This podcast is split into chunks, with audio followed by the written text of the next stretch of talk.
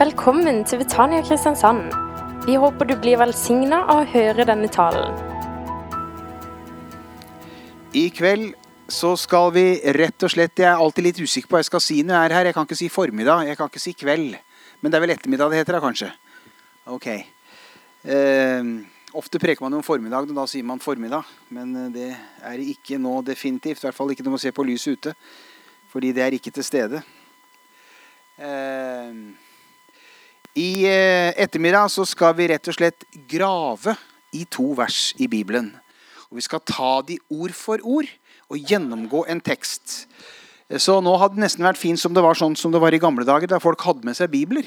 De hadde jo det før. Jeg slutta med det. Eh, men da satt alle sammen med sine bibler. Det var jo liksom underlig når man sa hva man skulle lese, så hørte man den derre eh, overalt fordi at folk begynte å bla i disse bibelbladene. Eh, vi er kanskje ikke lesere akkurat på samme måte lenger. Jeg vet ikke. Eh, men eh, men hvis du har med Bibel, så er det en fordel. Eh, da må du gjerne sitte, og så må du kikke. Eh, jeg vet ikke, Er du på nett med den der maskinen der? Eh, det er klart, Hvis du gikk til bibel.no, og du åpna Romerne 12, vers 1-2, så hadde det vært greit, for da kunne den teksten bare stå der på lerretet, og så kan dere følge med ord for ord etter hvert som vi går igjennom den teksten i eh, kanskje litt mer i detalj enn det man er vant til når man hører alminnelige prekener. Dette er rett og slett en tekstgjennomgang, detaljert. Eh, og det er fint å få lov til å gjennomgå detaljer i Skriften. Eh, Romerne 12. Og det er altså de to første versene der. Se der, ja. Fantastisk. Den teknikken, den er kommet langt. Og vi skal altså grave i dette, og vi skal la det tale. og jeg holdt på å si, Det er litt greit at vi lar Skriften tale, for det er ikke jeg som står og taler til formaning til dere i kveld. Men det er Skriften som taler formaning til oss alle sammen. Og la meg få lov til å si at når, jeg, når dette er litt sånn, et litt sånn formaningsavsnitt, så er ikke det noe sånn at jeg liksom kjenner at jeg klør på vinga. Håper å si Vingen er i ferd med å vokse ut bak og sånn. Og jeg eh, føler trang til å skal vi si, formane en forsamling. Men jeg kjenner at jeg er totalt inkludert i de som, blant de som skal høre denne formaningen. For det gjelder også mitt liv i høyeste grad. Ehm, og da leser vi fra Romerne 12, og vi leser vers 1 og vers 2. Der står det sånn Derfor formaner jeg dere ved Guds barmhjertighet, søsken. Bær kroppen fram som et levende og hellig offer til glede for Gud. Det skal være deres åndelige gudstjeneste. Innrett dere ikke etter den nåværende verden, men la dere forvandle ved at sinnet fornyes, så dere kan dømme om hva som er Guds vilje, det gode, det som er til glede for Gud, det fullkomne. Når vi ser på denne tekstblokka her, så er det som om tre formaninger eller oppfordringer nærmest springer oss i øynene. I hvert fall opplever jeg det. Og det er disse tre. For det første bær kroppen fram som et hellig offer. For det andre innrett dere ikke etter den nåværende verden. Og for det tredje la dere forvandle ved at sinnet fornyes. Var det bøst, dette? Trenger vi ikke å høre Guds ord? Er ikke også dette en del av det? Og Vi skal se på disse formaningene etter tur nå, men før vi gjør det, så er det noe jeg ønsker å understreke så sterkt som overhodet mulig. Og det er den bakgrunnen som formaningen er tegnet imot. Det er veldig viktig når vi går til bibelske formaninger, at vi ikke lar det henge løse lufta, for da blir det veldig ofte krav og bud, og du skal og du må, og så blir vi slått ned. Det er ikke meningen. Formaning kan nemlig være skrekkelig oppbyggelig når det er satt inn i sin riktige sammenheng. Og Bibelens formaning den må alltid betraktes med nåden som bakgrunn. Og det er jo akkurat det som skjer her. Det er Guds uendelige nåde og kjærlighet som er det lerretet som formaningen tegnes imot.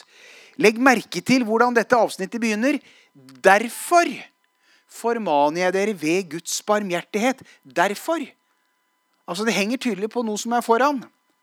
Og dette derfor, det knytter da an til de foregående elleve kapitlene i romerbrevet. Og i disse elleve kapitlene i Rombrevet så er det jo ikke stort annet enn Guds uendelige barmhjertighet og nåde som det handler om der. Så formaningen kommer på bakgrunn av det som er sagt i den første delen av brevet. Og hvis du har lest litt i Bibelen, så vet du at eh, romerbrevet er jo fantastisk herlig. Eh, hvem har ikke gleda seg over de første åtte kapitlene? Eh, der er det mange goodiser, altså. Og Hvis du ikke har lest det, så gå hjem og les. Det er fantastisk. Kapittel fem, for eksempel. Da vi altså er blitt rettferdige ved tro, har vi fred med Gud ved vår Herre Jesus Kristus. Gjennom ham har vi også ved troen fått adgang til den nåden vi står i, og vi er stolte over håpet om Guds herlighet. Og så syns jeg jeg ser på dere at noen sitter allerede og tenker på Romerne 8.1. Hva? Så er det da ingen fordømmelse for den som er i Kristus Jesus. For åndens lov som gir liv, har i Kristus Jesus gjort deg fri fra syndens og dødens lov. Det som var umulig for loven, siden den sto maktesløs fordi vi er av kjøtt og blod, det gjorde Gud. Hør det i kveld. Det er ingen fordømmelse over livet ditt. Uansett hva du har gjort, eller hva slags bagasje du har med deg, uansett hvordan denne dagen her har vært, eller de foregående dagene har vært, så er poenget at når du har tatt imot frelsen i Jesus, så er det ingen fordømmelse. Fordi Jesus har tatt fordømmelsen din. Og Så fortsetter Paulus i kapittel 9, 10 og 11. Og så forteller han om Guds fantastiske handling med Israels folk. De er heller ikke forkastet, sier Paulus, selv om de gjorde han imot mange mange ganger. Jeg vet ikke om du har, løst, om du har lest dommerboken i Det gamle testamentet. Det er en historie om hvordan folket synder igjen og igjen og igjen. Men når de har syndet, så vender de seg til Herren, og så roper de til Gud om nåde. Og så er Gud kjærlighet, og så griper han inn. Og så kommer han, og så settes det en skikkelse iblant dem.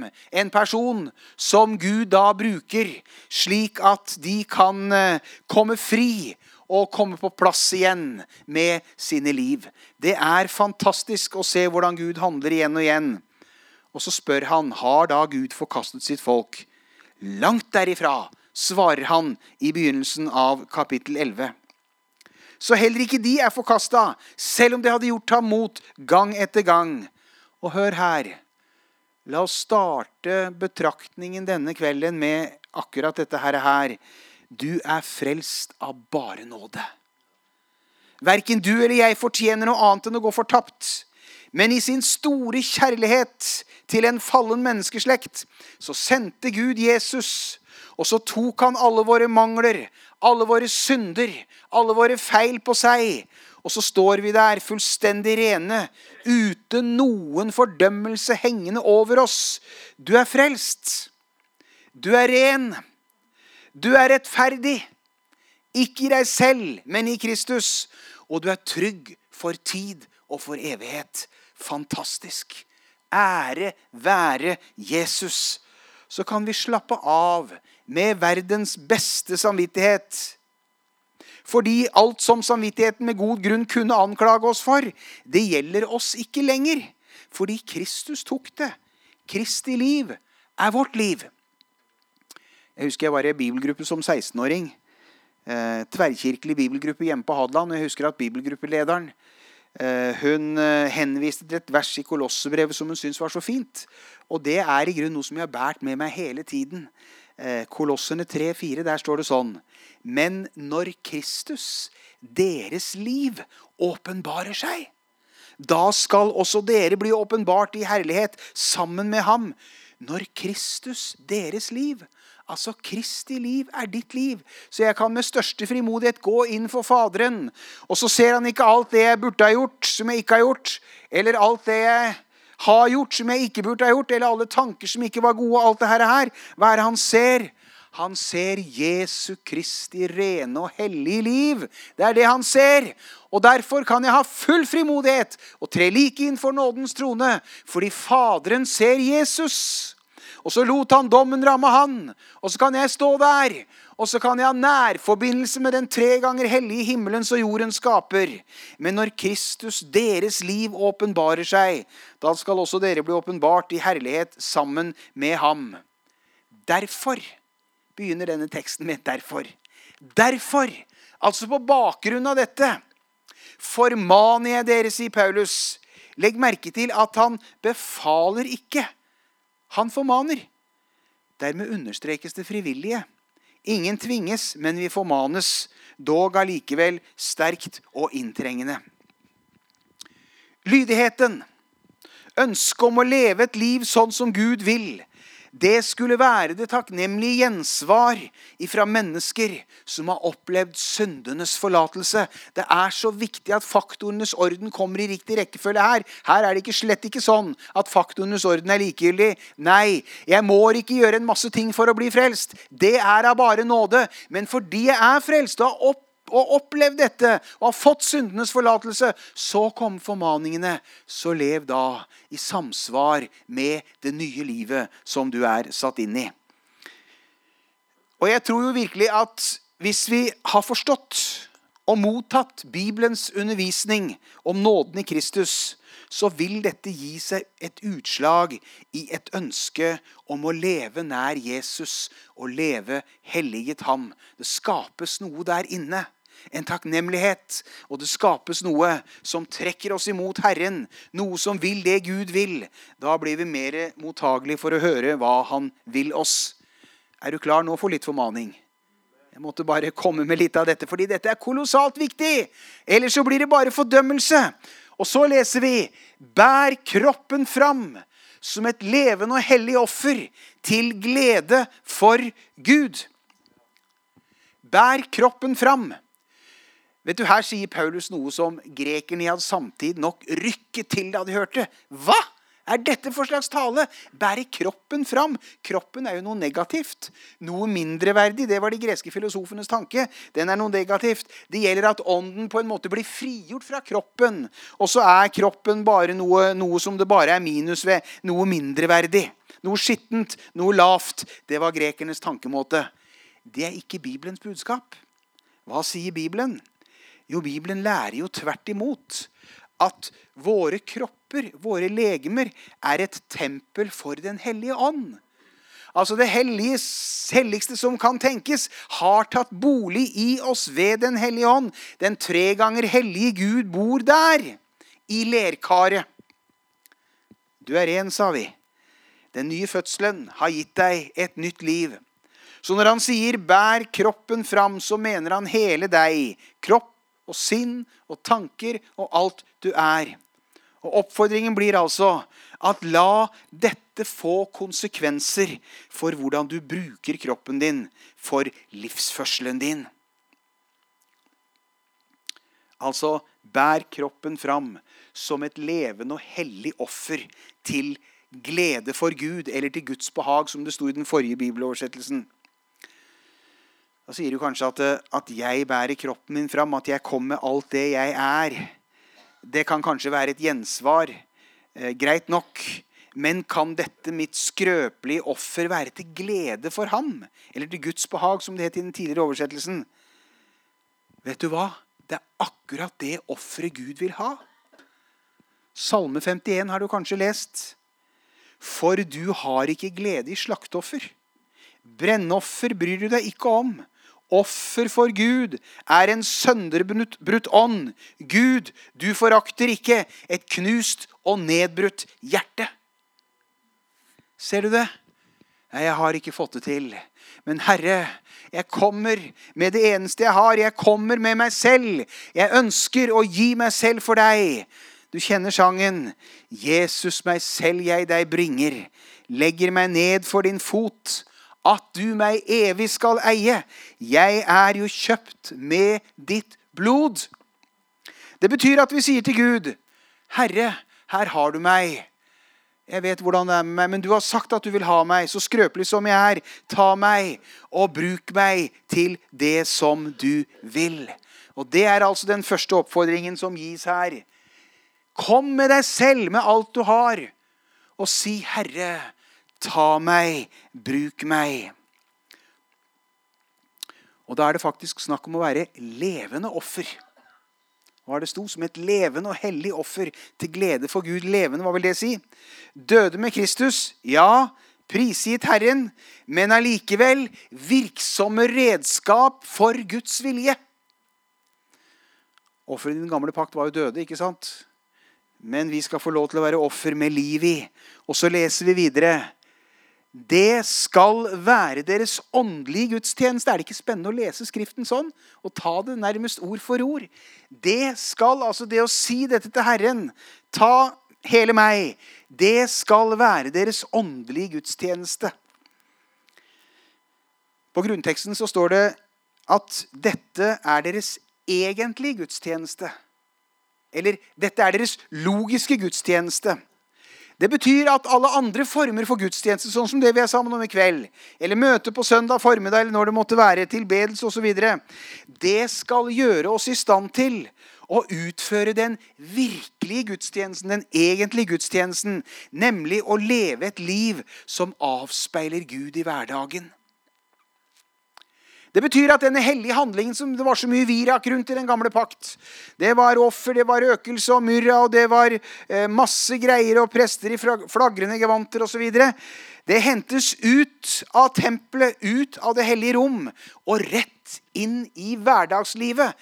Der står saken. Der er den egentlige gudstjenesten så betyr det at de andre formene for gudstjeneste de skal vi selvfølgelig ikke kutte ut. Vi skal ikke kutte ut og samles. Selvfølgelig skal vi samles. Men så skal vi bære med oss noe av det vi får der. Vi blir inspirert. Vi hører. Og vi, vi, vi får lyst til å fortsette. Vi blir oppbygget og utrustet til hverdagslivet.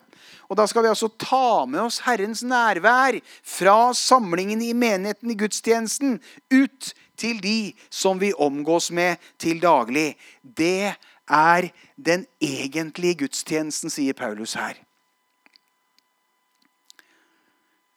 Forutsetningen for denne nye gudstjenesten, forutsetningen for å være et offer i tjeneste for Gud, det er det som Paulus fortsetter med. At vi ikke skal innrette oss etter verden omkring oss. Det fortsetter med i vers 2, ser vi. Innrett dere ikke etter den nåværende verden, men la dere forvandle ved at sinnet fornyes. Innrett dere ikke etter den nåværende verden. Når man leser dette på gresk, så legger man merke til at her slår Paulus om rent språklig. Og jeg tror ikke det er tilfeldig. Til å begynne med så oppfordrer han og formaner sterkt og inntrengende. Når han nå fortsetter, så fortsetter han rett og slett i bydeform. Altså med imperativer. Og jeg tror, jeg tror han mener noe med det. Jeg tror han mener at om vi er villige til det første, om vi ønsker å gi oss til Gud og si 'Herre, bruk meg', om vi ønsker dette, da har vi ikke noe valg. Da kan vi ikke la oss innrette etter verden omkring oss. I den forrige bibeloversettelsen så sto det at vi ikke skulle la oss prege av verden. Eh, verbet som ligger til grunn, det betyr å anta samme holdning anta samme skikkelse, se ut som. Vet dere hva? Eh, det er jo blitt sånn at det er nesten livsfarlig å mene noe annet enn det alle andre mener. Da blir de hundset. Det ser vi i media på alle mulige måter. Men vet du, Bibelen lærer oss at vi skal være et annerledes folk. Folk som med frimodighet skal kunne ha litt andre meninger.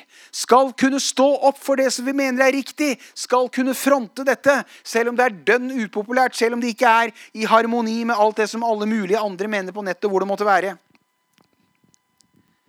Vi skal ikke anta akkurat samme holdning, akkurat samme skikkelse, se ut akkurat sånn som de rundt oss. Fordi vi er av en annen verden. Det er skapt noe nytt inni her. Ikke sant? Av bare nåde har vi fått dette. Derfor kommer disse formaningene. Tenk på det å prege mynter. Hva gjør man da? Da har man en sånn eh, varm metallklump, og så, og så, har man et slags stempel, og så stempler man inn. Og så blir mynten preget. Den blir senes ut som denne malen, som denne originalen. Den blir helt lik. Du verden hvor lett det er for oss kristne å bli prega av verden på den måten. Vi blir helt like. Man kan ikke se forskjell på oss og noen andre. Vi antar akkurat samme skikkelse, akkurat samme holdning, akkurat samme meninger til ting omkring oss osv. Det er feil. Det er ikke den veien påvirkningen skal gå.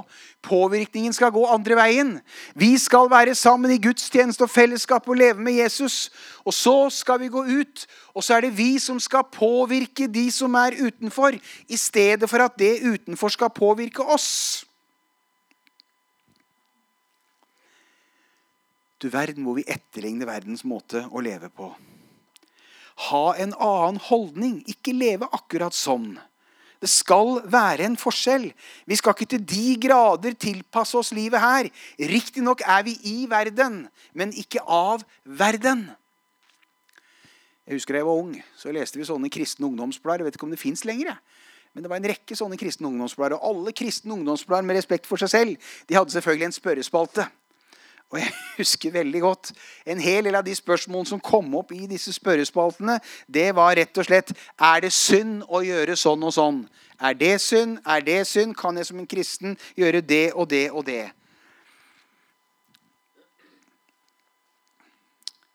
Eh, kan jeg få lov til å gjøre sånn og sånn? Vet du hva? Det er jo faktisk å snu saken på hodet. Ehm, det, er ikke, det var som om det gjaldt å leve så likt de ikke-kristne som mulig. Kunne faktisk høres sånn ut. ikke sant? Og enda bare jeg kan leve så likt de som mulig, enda nærmest hangle meg fram og inn i himmelen. Ikke sant? Litt sånn populært sagt. Ehm, eh, jeg vil til himmelen, men jeg vil leve så ukristelig som mulig. Det var liksom det. Det er to hovedfeil ved den tenkningen. For det første Husker dere det jeg snakket om da jeg startet nå?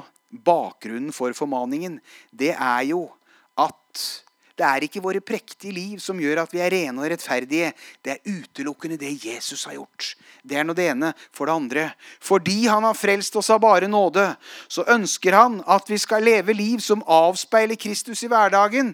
Spørsmålet må jo ikke være hvor langt unna Jesus kan jeg komme og enda kalle meg en kristen? Spørsmålet må være hvor nær Jesus kan jeg komme? Hvor tett innpå ham kan jeg leve? Jeg skulle ønske at vi alle sammen kjente noe av dette ønsket. Og Jesus, takk at du har frelst meg. Takk at det ikke er noen fordømmelse over livet mitt. Men Jesus, hjelp meg til å leve tett på deg, slik at det herlige som jeg har fått, kan avspeiles, kan vises der jeg er i det daglige. Jeg lengter etter å leve tett, tett på deg. I en av sangene i sangbøkene våre så står det følgende Mer hellighet gi meg, mer mildhet og Gud, mer sorg over synden, mer frykt for ditt bud, mer makt til å tjene, mer styrke i bønn, mer tålmodig smerte, mer tro på Guds sønn. Det er altså ikke meningen at vi skal tilpasse oss verdens måte å leve på i ett og alt. Det er fortsatt ting som Bibelen sier er synd. Og selv om vi skriver 2019, altså, så er det fortsatt synd. Det finnes en del absolutter, men det ser ut nå som om det er liksom For å si det på Alt flyter. Alt flyter. Men det er en del ting som Bibelen ber oss holde oss unna. Ikke for å bli frelst, faktorenes orden igjen, men fordi vi er frelst. Det er ikke verden som skal påvirke oss, men det er vi som skal være lys og salt i forråtnelsen. Det betyr selvfølgelig ikke at vi skal begynne å leve etter 1800-tallsetikk. Og Det betyr ikke at vi skal hente opp alle de der, disse adiafora-spørsmålene som eh, det var Flustad for noen tiår siden. Ikke sant? Ikke det og ikke det. Og det var jo så mange falske anstøt vet du, at det var jo omtrent umulig. Du måtte på en måte, Skulle du være en kristen, så må du sjekke av masse ting på ei liste. Check, check, check, check, check. En hel masse forskjellige ting. Så var det kanskje greit at du kunne være med i Guds menighet. Ser du poenget? Poenget mitt er ikke dette. Men poenget er at det finnes noen momenter der. Det finnes en del ting i Skriften som Bibelen framhever, og som den oppfordrer oss til å leve etter. I stedet for å la oss påvirke av verden. Og dermed er vi kommet til den tredje og den siste formaningen som denne teksten lister opp for oss. Hva er det vi leser? Innrett dere ikke etter en nåværende verden, men la dere forvandle ved at sinnet fornyes. bli forvandlet ved at sinnet fornyes. Bli annerledes. Våg å være annerledes. Du og jeg er allerede her og nå en del av det kommende Guds rike som en dag skal bryte fram. Når Herren kommer for å opprette sitt rike. Allerede her og nå. De spurte på Jesus tid hvor er, hvor er Guds rike. Guds rike, svarer Jesus. Guds rike er inni dere.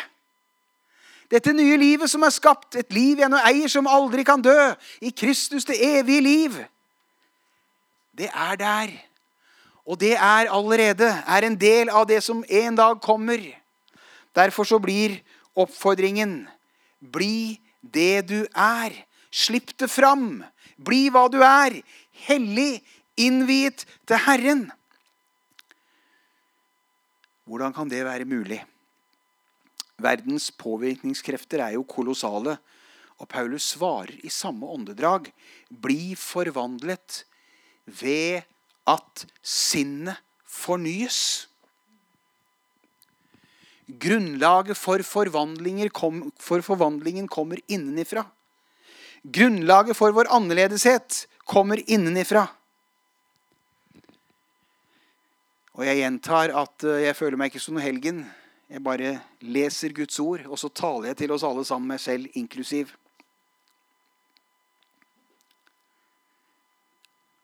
Sinnet er lik tankelivet. Hva er vi mentalt opptatt av? Og du verden så mye rart vi er opptatt av. Hva er det vi fyller sinn og tanker med? Du blir det du tenker. vet du, Det du holder på med sånn, det påvirker deg. All synd begynner i tankelivet. Det er jo ikke sånn at Når noen har gjort en forskrekkelig forbrytelse, så liksom bare kom den forbrytelsen. Går man ting etter i sømmene, så er det nesten alltid sånn at man har tenkt og man har planlagt og man har gjort en hel masse ting. Og så, når synden er fullmoden, så kommer den, og så blir det elendighet ut av det. Og hvis vi ønsker å seire når Satan kommer til oss med sine fristelser, og leve annerledes enn verden omkring oss, da må vi ta opp kampen mot det destruktive ved innfallsporten. Tankelivet vårt. Og jeg tror at noen og hver av oss kunne være litt nøyere med hva vi lar oss påvirke av. Hele nettet er jo breddfullt av mye bra, men forferdelig mye dårlig også. Det er noe her som vi kan ta med oss og tenke litt på dann og vann. Skal vi tenke på, folkens, om det kanskje var lurt om vi var litt mer selektive? Ikke som krav og bud og du skal og du må, men rett og slett noe vi ønsker fordi vi ønsker å leve nærmere Jesus. Det er greia så handler det selvfølgelig ikke bare om at vi skal holde oss unna det som trekker oss i feil retning. Men det kan rett og slett handle om tidsbruk. Jeg bare, bare gå til meg sjøl. Du verden og, kjapt det er å liksom bare legge seg. Du er litt trøtt, og så legger du deg ned på sofaen. Og så finner du fram den greia her, da, vet du, ikke sant? Og så ligger du her, og så blar du fram og tilbake. Og det er ikke det at man leser ting som nødvendigvis er negativt. Men det er bare at du bruker tid, tid, tid. Tida går på ting som ikke har vært noen verdens ting. Jeg kjenner det for min egen del, eller mobilen, eller hva det måtte være. Og så går tida på dette i stedet for aktivt å oppsøke. Og det er jo fantastisk mye oppbyggelig også på disse nye duppedingsene våre. Fantastisk mye oppbyggelig. Nydelige YouTube-videoer av både lovsang og predikener og veldig masse som virkelig er byggende og fostrende. Jeg gjentar skal vi forsøke å være litt mer selektive. Og ikke bare la humla suse og lese om alt mulig. Og så er det noe som vi syns er spennende, og så forfølger vi det. ikke sant? Så holder vi på, og så åpner vi VG for femte gang. holdt på å si, Det står ikke noe mer nytt der, men vi bare åpner, for vi ligger jo der liksom bare og, og lar tida gå.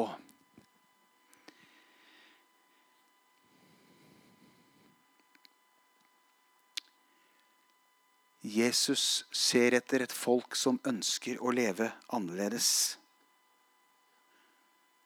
Dette med å innta Mariaplassen og sette seg stille ned ved Herrens føtter. Ikke bare sånn i denne sammenhengen her, men altså prioritere tiden vår litt sånn dann og vann. Altså rett og slett innimellom ta oss tid til Bibel og bønn. Det må være lov å snakke om det, selv om vi skriver 2019. Men det er liksom blitt sånn, eh, man hører veldig lite av disse tonene nå for tida. Det er så fantastisk enkelt å bare seile med det er faktisk også enda noe som heter personlig andagsliv. Som vi kalles inn til et sted hvor vi kan være nær Jesus og la noe av disse impulsene fra den himmelske verden flyte inn i oss. Den indre forvandlingen av sinnet, det er det det handler om. Hva er det vi leste? Men la dere forvandle, bli annerledes, ved at sinnet fornyes. Ved at man åpner opp for dette. Det er faktisk den eneste effektive bevarelsen mot å, at vi lar være å innrette oss etter denne verden. Lar vi dette skje med oss, da vil vi være i stand til også det som denne teksten avslutter med. Så dere kan dømme om hva som er Guds vilje. Det gode, det som er til glede for Gud, det fullkomne. Bare et sinn som er helliget Herren, er i stand til å forstå hva Guds vilje konkret innebærer i den enkelte situasjon. Når vi er på bølgelengde, da kan vi være sensitive for Guds tale, ikke sant? Hør her. Vi har en jobb å gjøre for Jesus. Vi står i ulike sammenhenger. Vi har en jobb å gjøre for han både her i menigheten og i de sammenhengene vi er til daglige. Derfor la oss bære kroppen fram som et hellig offer. Jesus, her er jeg, send meg. Herre, ta meg, bruk meg. Og ikke innrette vår liv, våre liv etter en nåværende verden. Ikke la oss prege av dette, men i stedet bli forannerledes, bli annerledes ved at sinnet fornyes. Det er min bønn at det vi har snakket med hverandre om denne kvelden, at det kan skape en lengsel inni oss. En lengsel etter å leve tett på Jesus. Det, jeg tror det ligger noe her. Jesus, jeg vil leve nær deg. At dette er med. Og jeg ønsker ikke bare å være en sånn en dill dall-kristen. Jeg ønsker å være en brennende kristen. En kristen som brenner for Jesus. Det er ikke noe som er enklere enn å være likegyldig, sa jeg. Men at vi roper til Herren, Herre, skap glød, skap lengsel. Å, Herre, du har jo gjort så mye for oss. Du har frelst, du har tilgitt, satt oss inn i denne nye sammenhengen. Å, Jesus, jeg vil leve for deg. Vil du? I Jesu navn. Amen. Du har nå hørt en tale fra Betania Kristiansand. For mer informasjon kan du besøke våre hjemmesider på betaniakrs.no.